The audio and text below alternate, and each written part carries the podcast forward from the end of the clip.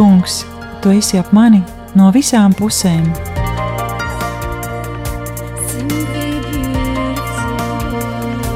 Neredzamā dieva attēls, raidījums par atgriešanos, piedošanu, dziedināšanu un kalpošanu.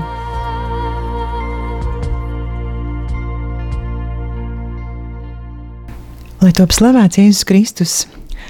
Labvakar, mīļie radioklausītāji! Ar jums kopā rādījums neredzamā dieva attēls.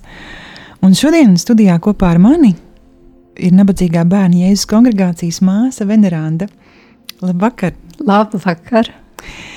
Un šajā reizē mēs eh, dzirdēsim liecību, eh, kas vijas cauri laikiem. Faktiski var teikt, ka 60 gadu garumā cauri dažādām valdībām un varām dzirdēsim to, kā Dievs pats ir nosargājis šo apustulisko kalpojumu par spīti daudzajiem izaicinājumiem un vajāšanām. Mīļā māsa Veneranda, es zinu, ka jūs šo te aicinājumu kļūt par šī te klostera māsu saņēmāt diezgan agri. Faktiski vēl var teikt kaut kur vidusskolas beigās vai tā, vai ne? Jā, apmēram tā. Mm -hmm. Un jūsu pirmais tāds, var teikt, ir tāds profesionālais aicinājums, ko jūs savā sirdī izjutāt, tas bija, jūs vēlējāties kļūt par skolotāju, vai ne? Tieši tā.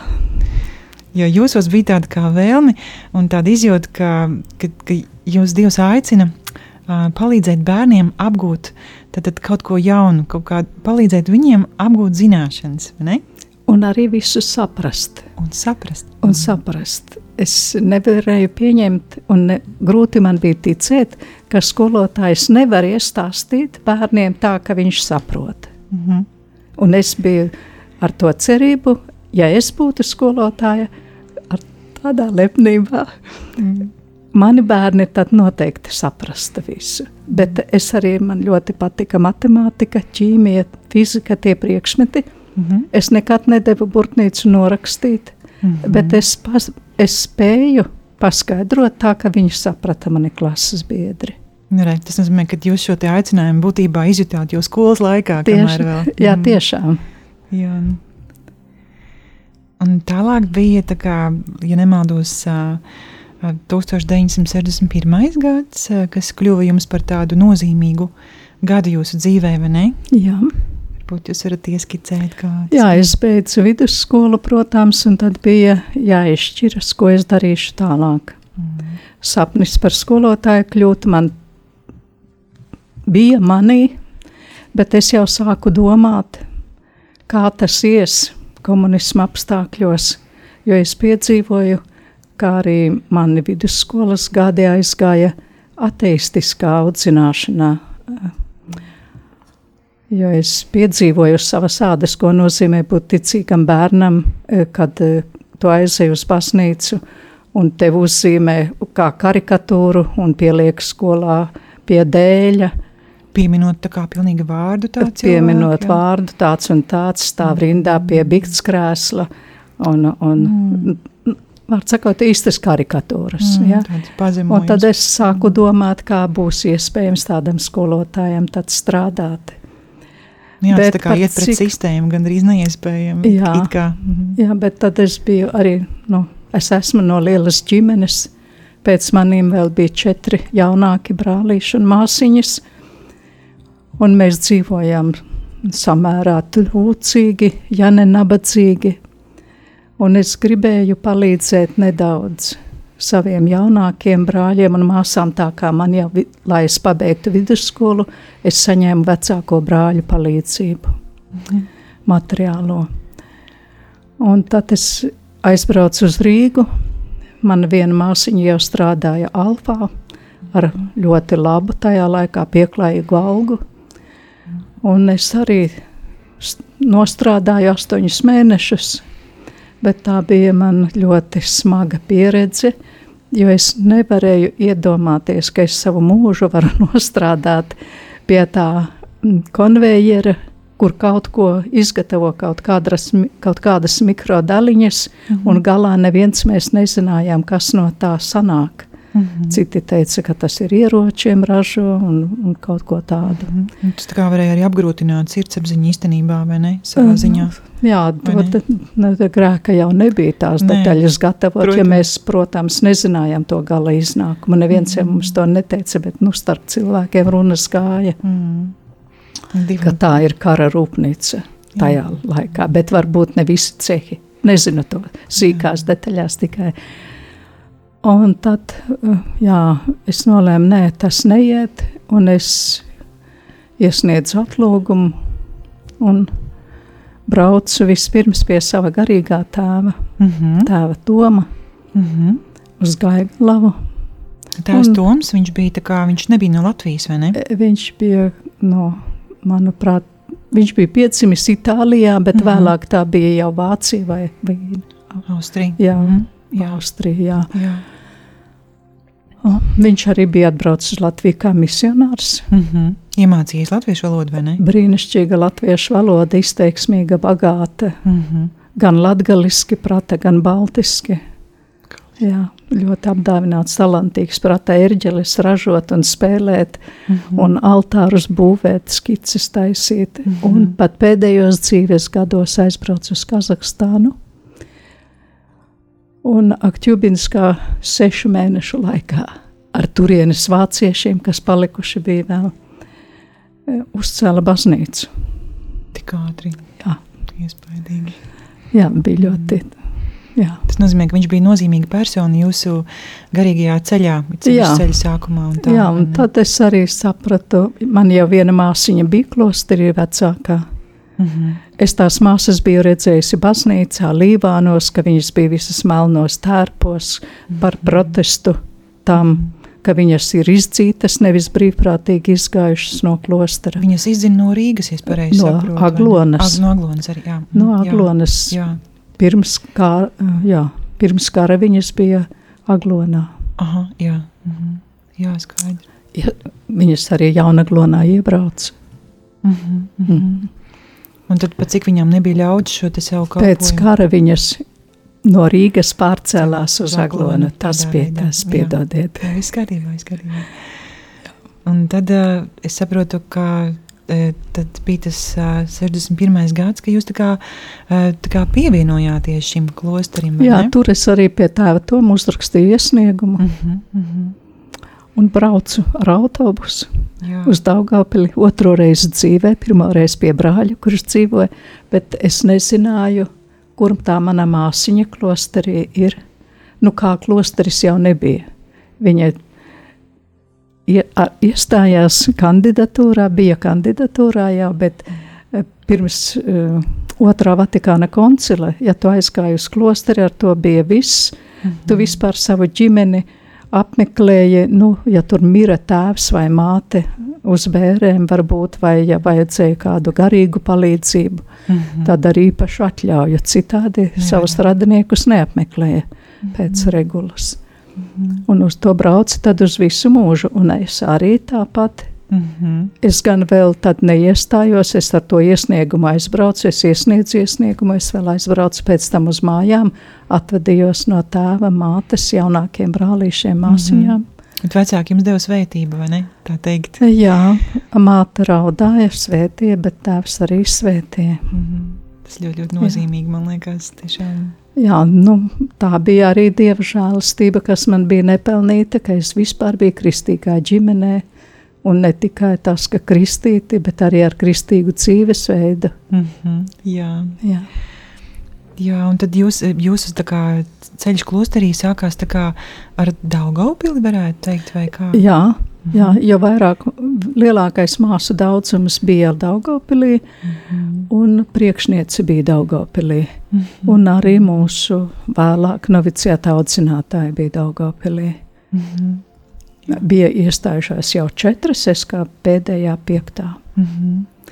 Es saprotu, jums bija tāds interesants laiks arī saistībā ar, ar telpām, kurās jūs dzīvojāt. Eh, o, jā, tas, tas bija fantastisks, jā, ja to vairāk jā. neteikt. Jaunībā mēs bijām visas ap 20, drusciņi vairāk gadiem. Jā.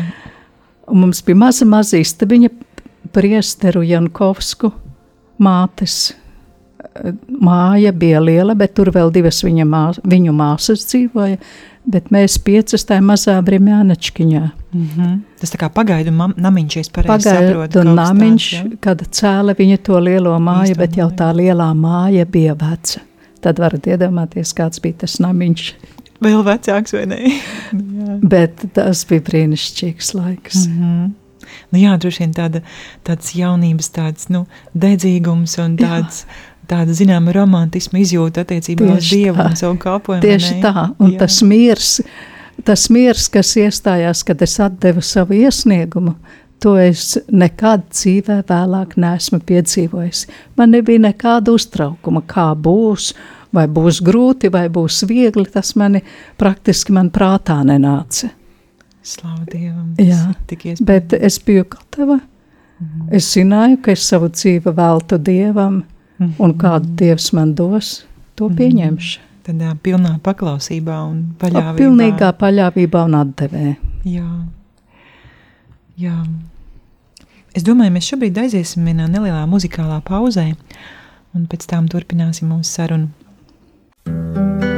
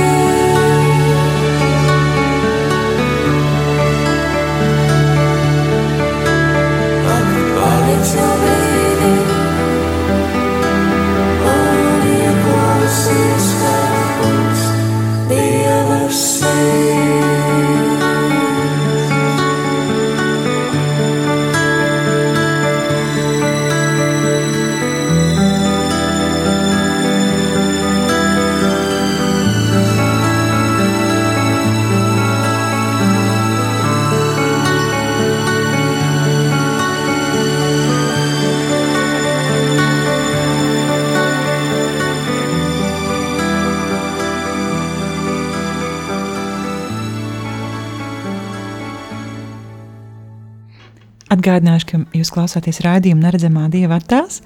Ar jums kopā ir uh, raidījuma vadītāja Mārīta Irgensona un mūsu studijā šodien ir nabadzīgā bērņa Jēzus kongregācijas māsa Veneranda.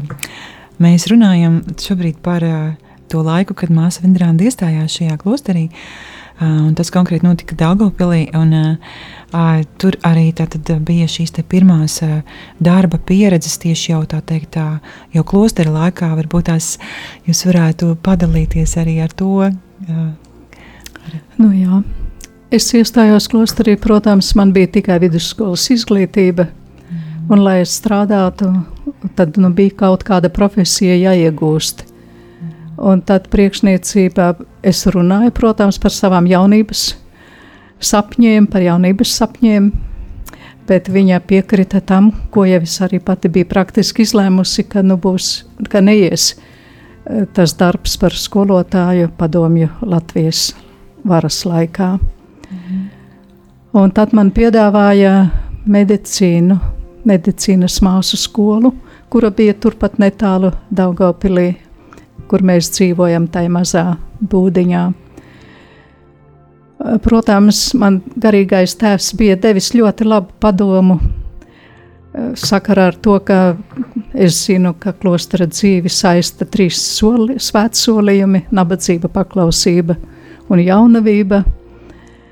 Ka paklausībā viņš teica, ļoti svarīgi ir vispirms pārdomāt un nekad uzreiz neteikt nē.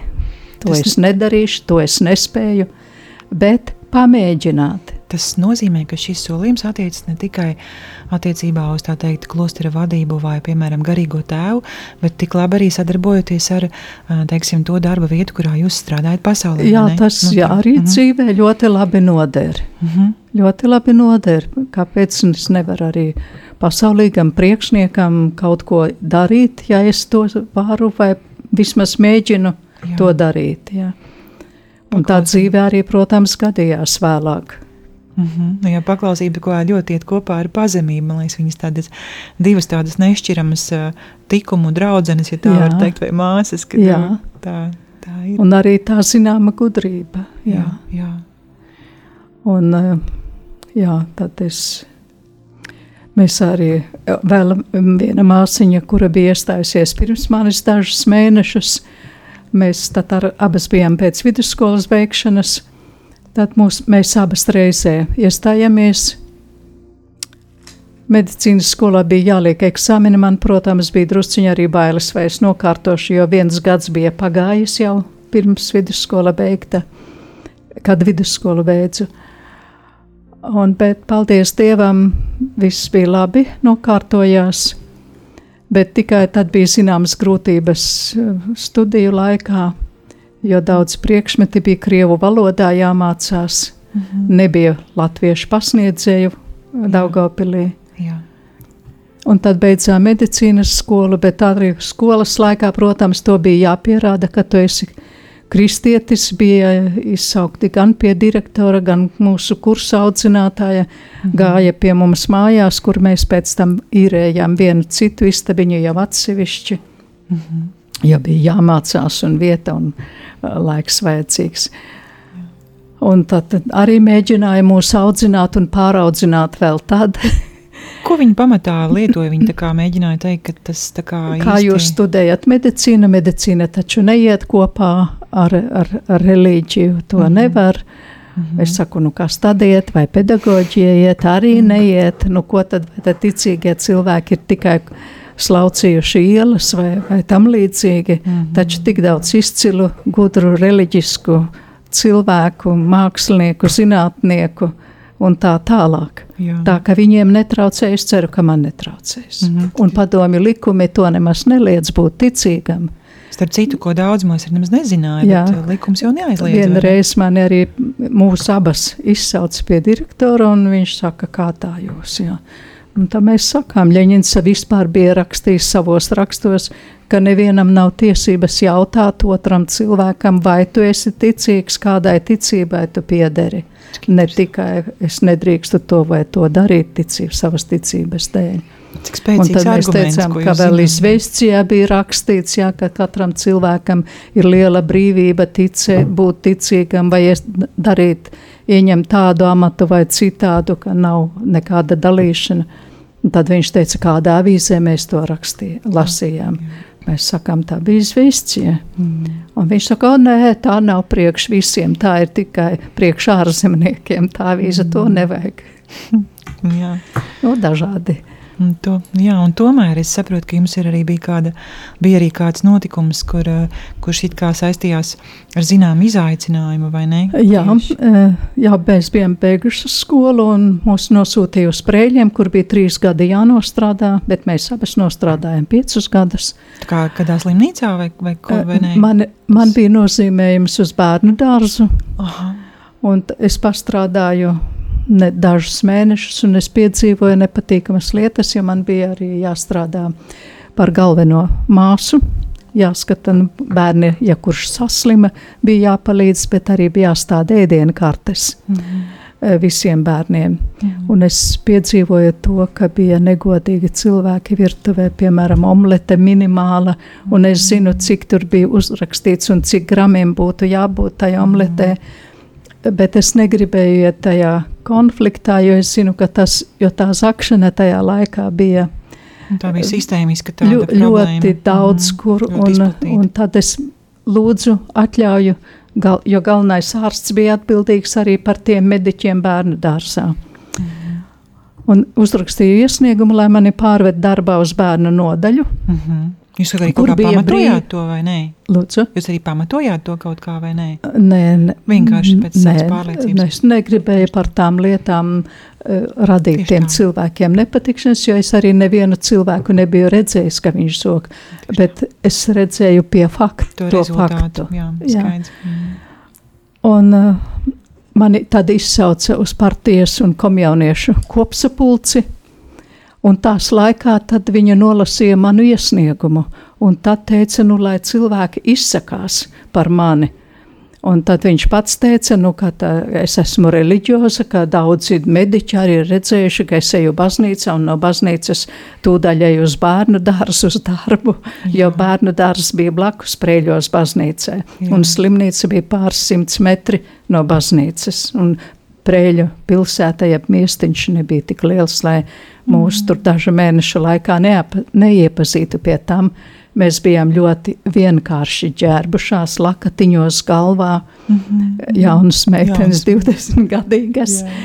Un mēs uzkritām, un, un tad bieži mums cilvēki arī jautāja, vai jūs esat no Aglonas māsām. Mēs sakām, diemžēl tajā laikā tikai skolā gājām, vēl kā Aglonā bija māsas. Mhm. Un, un tie citi saka, nu, ka t- jūs esat klosternieki. Mē- Mēs jautājām, a, kur ir klosteris? Varbūt es iestāšos. Pasakat, kur ir klosteris?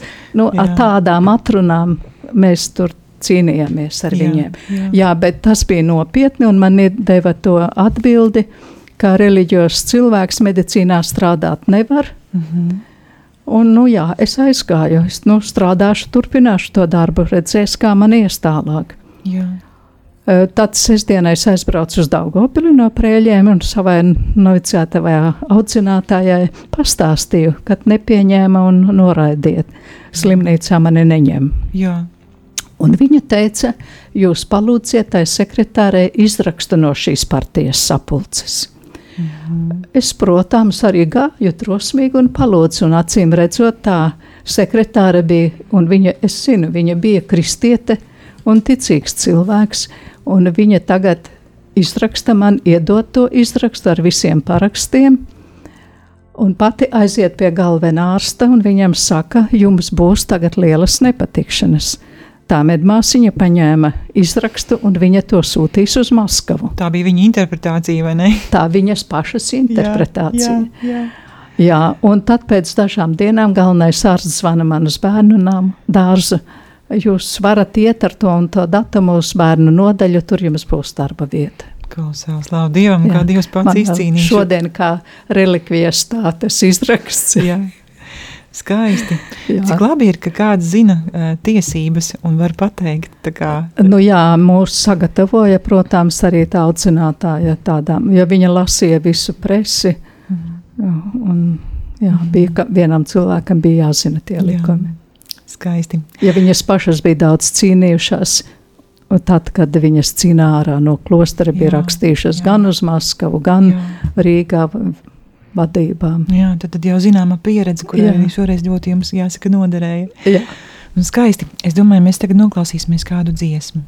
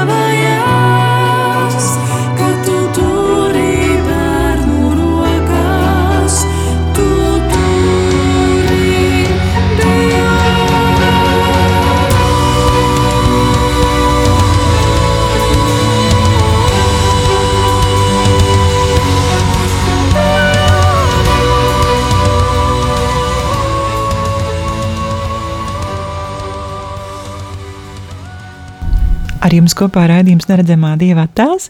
Šodien pie mums studijā uh, nabadzīgā bērna Jēzus kongregācijas māsa Veneranda. Un uh, šajā brīdī es vēlējos pajautāt uh, māsai Venerandai uh, padalīties kādā uh, tādā pieredzē, ļoti drosmīgā, es teiktu, pieredzē uh, manā skatījumā, ko, kas jums bija uh, vēl tā teikt skolas laikos.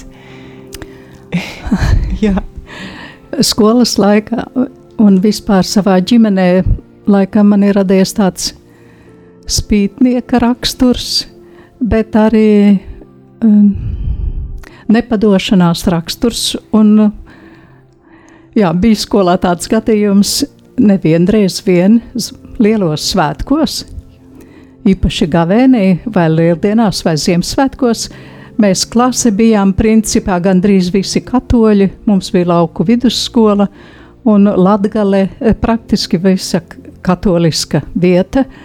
Un, un tad noorg mēs norganizējāmies klasē, tā, ka nu, mēs iesim visi uz baznīcu vai Ziemassvētku agrā rītā, kā ziemā augsti paņemam vēl gultu segas no kopmītnes un apsacamies un izturēsim visu Ziemassvētku dievkalpojumu, jo tas sākās ļoti agri, un līdz stundām mēs varējām būt atkal skolā. Tur bija kilometrs pusotrs baznīciņa tālu, protams, kājām. Bet bija arī uh, gadījums, kad mēs visi norunājām vienā dienā, vienā svētdienā, visi iesim pie grēksūdzes nu tad lai mūs visus zīmē karikatūrā, kā tā un tā klase stāv rindā pie grēksūdzes, jo visiem neko nepadarīs. Ja viens aizies vai otrs, nu tad vienam vai otram būs tikai tas izsmieklis, ka viņu pieliks Jā. tur, Jā. jo bieži vien karikatūrā zīmē ticīgos bērnus. Mm -hmm. Tā mēs arī izdarījām. Jūs visi aizgājāt? Mēs visi aizgājām, nostājāmies noteiktā laikā un bija tēvs Andrēs, un bija ļoti priecīgs, un mūs vēl uzslavēja. Skaisti. Un visiem arī pašiem bija prieks un tam. Visiem bija pašiem prieks, protams. Gandarījums. Skaisti. Gandarījums. Un bija karikatūra pēc tam vai nebija? Pēc tam nebija, bet vienā citā reizē gan bija. Tomēr viņi jā, jā, tur bija tikai daži. Jā, jā daži bērni. Skaidrs. Bet šādi un tad zīmēja katoļu mm. bērnus tādu ar izsmieklu. Mm. Tātad Paldies par šo te liecību. Uh, varbūt atgriezīsimies pie jūsu kalpojuma. Uh, uh, tiešām varbūt tās jūs varat pastāstīt, kā jums gāja arī 70. gados. Es saprotu, ka bija ļoti liela izaicinājuma, bija daudz bērnu, kuriem būtu bijusi vajadzīga šī garīgā teiksim, formācija un audzināšana, bet uh, iespēja it kā nebija.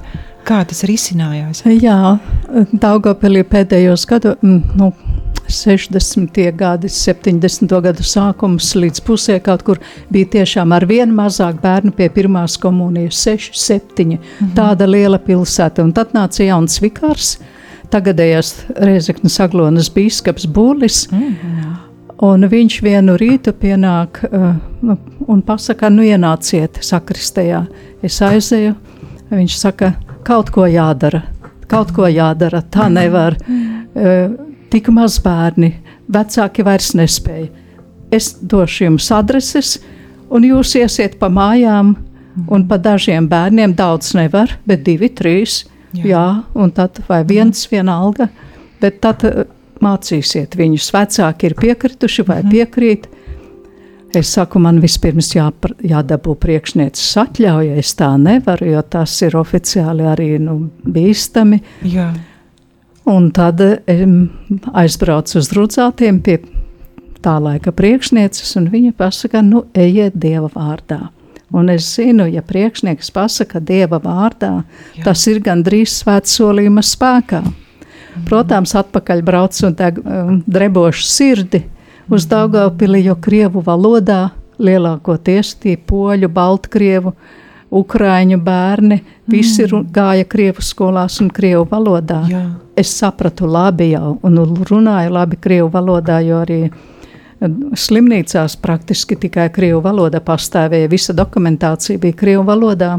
Mm -hmm bet nebija reliģiskā terminoloģija. Mm -hmm. Bet, paldies Dievam, bija tēva Andrija, krievu valodā sarakstītājs katehismas liels. Bet tas ir tēvs Andrijs, kas ir kapucīnu tēvs. Kapucīnu tēvs, kas Jānis strādāja. Paulovskis, vai ne? Kas jā. Arī Alberta draudzē kalpoja. Jā, kādreiz. un turpat abedīts. Jā, jā.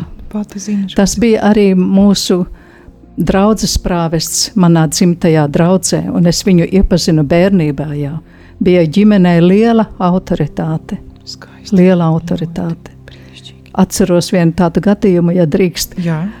Mēs bijām pusbadā. Mhm. Kolhos, de, visu paņēma kolhos, slopus un visu. Mhm. Mēs bērni bijām badā praktiski. Jā. Mamma saka vasarā, kad jau rudzus pļāva, tēti, tu a, paņem kādu maisiņu graudu un atved, es iz, būs no kā maizi cept bērniem.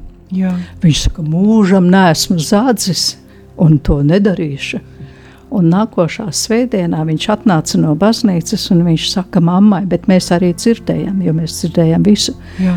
Tēvs Andrejs teica, ka tā nav zakšana, val, tā valsts taču jums visu atņēma vispirms, mm -hmm. un bērnus ir jābaro. Tā bija svēta lieta. Jā.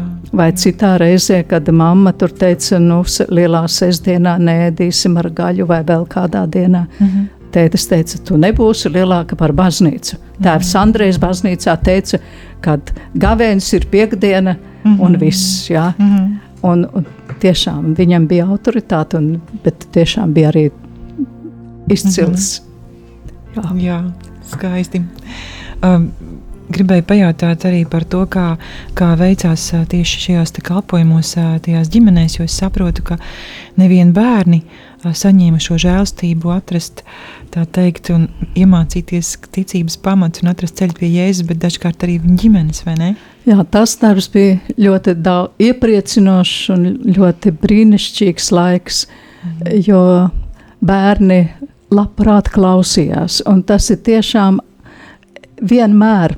Bērni ir gatavi klausīties, bērni ticību dievam ar lielu interesi uzņem, un viņu mainās. Viņu ļoti ātri arī mainās. Tā ir Dieva žēlstība, kas viņus tad, maina. kad tie bē, vecāki redz, ka tas bērns mainās, ka viņš la, labprāt sāk lūgties un aicina tēvu un māti reizē ar viņu lūgties, ja, Mhm. tad bieži vien arī tēvs un māte, kuriem nav noslēgtas laulības, klausās un saka, mēs gribam laulāt, vai nebūs iespējams arī mums salauzties bērnu pirmā komunijā. Cik Ja. skaisti. Tādi gadījumi Jā. bija laikam Bija daudzāki, ļoti, ļoti daudzi. Bija. Un, un zinu vienu māti, kur nebija meitene kristīta, kad pieņēma kristību. Mm. -hmm. Tā meita zvana viņai 12 gadu meitenei, te bija vai 11. Ar tādu prieku stāsta telefonā, runā kādu pusstundu, kas viņai par prieku. Viņai nav bijusi skaistākā diena dzīvē. Šī ir viņas skaistākā diena. Māte bija kristiete, bet nebija laulāta. Tad, Jā. kad viņa aizbrauca mājās, viņa stāstīja mātei. Un pēc tam māte gāja pati uz baznīcu kopā ar viņu. Vīrs jau, civili vīrs jau bija miris. Mhm. Un kļuva ļoti uzticīga kristiete katru svētdienu baznīcā un pensijas gados katru dienu gāja uz baznīcu. Mhm. Un bija ļoti laba māsu labdara vēlāk. Ai, slavu Kristu un kāds, Jā. kādi augļi. Daudzi skaisti gadījumi bija. Jā, jā. Jā.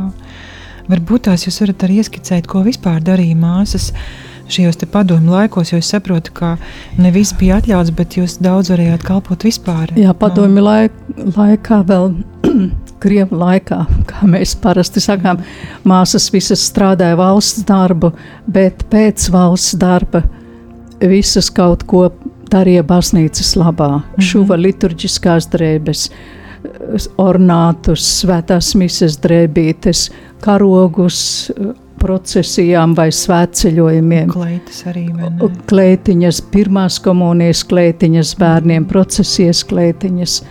Un, un es zinu, ka māsas kādu kā līvānos pie šūšas ornāta pa naktīm.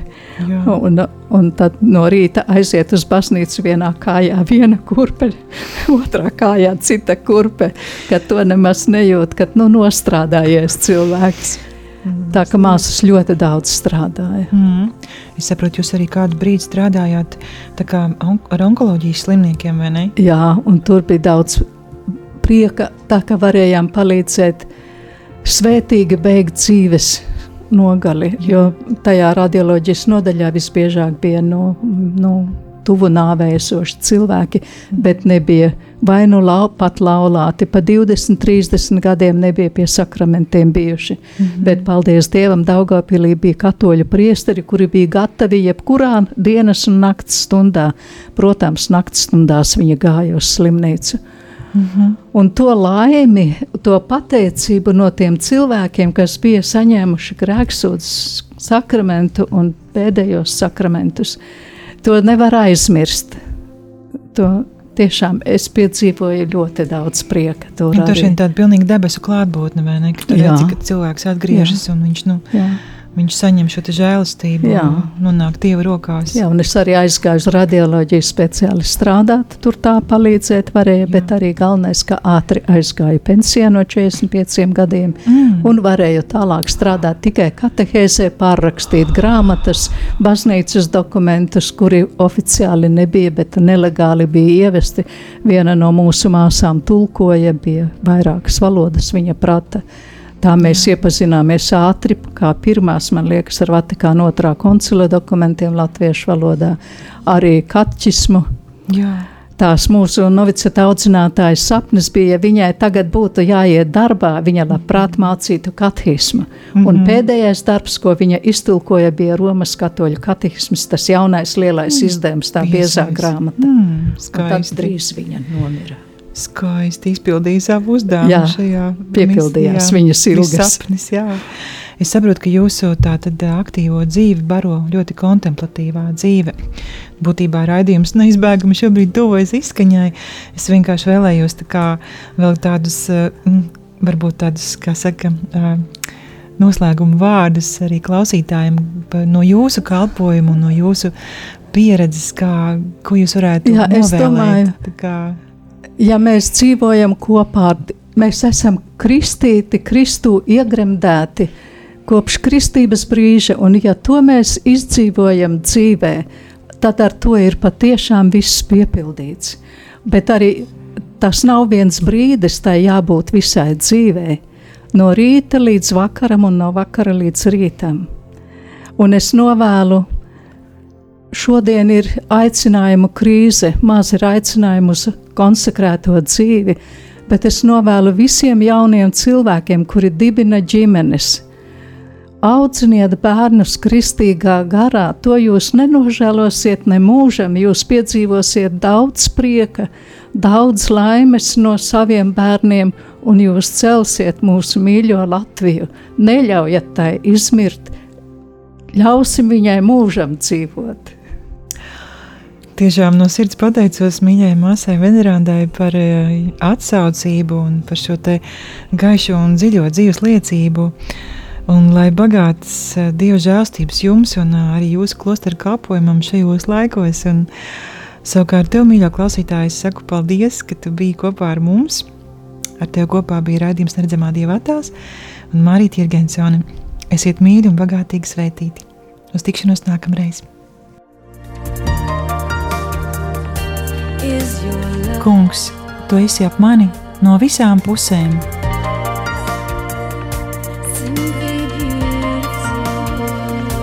neredzamā dieva attēls. Raidījums par atgriešanos, piedošanu, dziedināšanu un kalpošanu.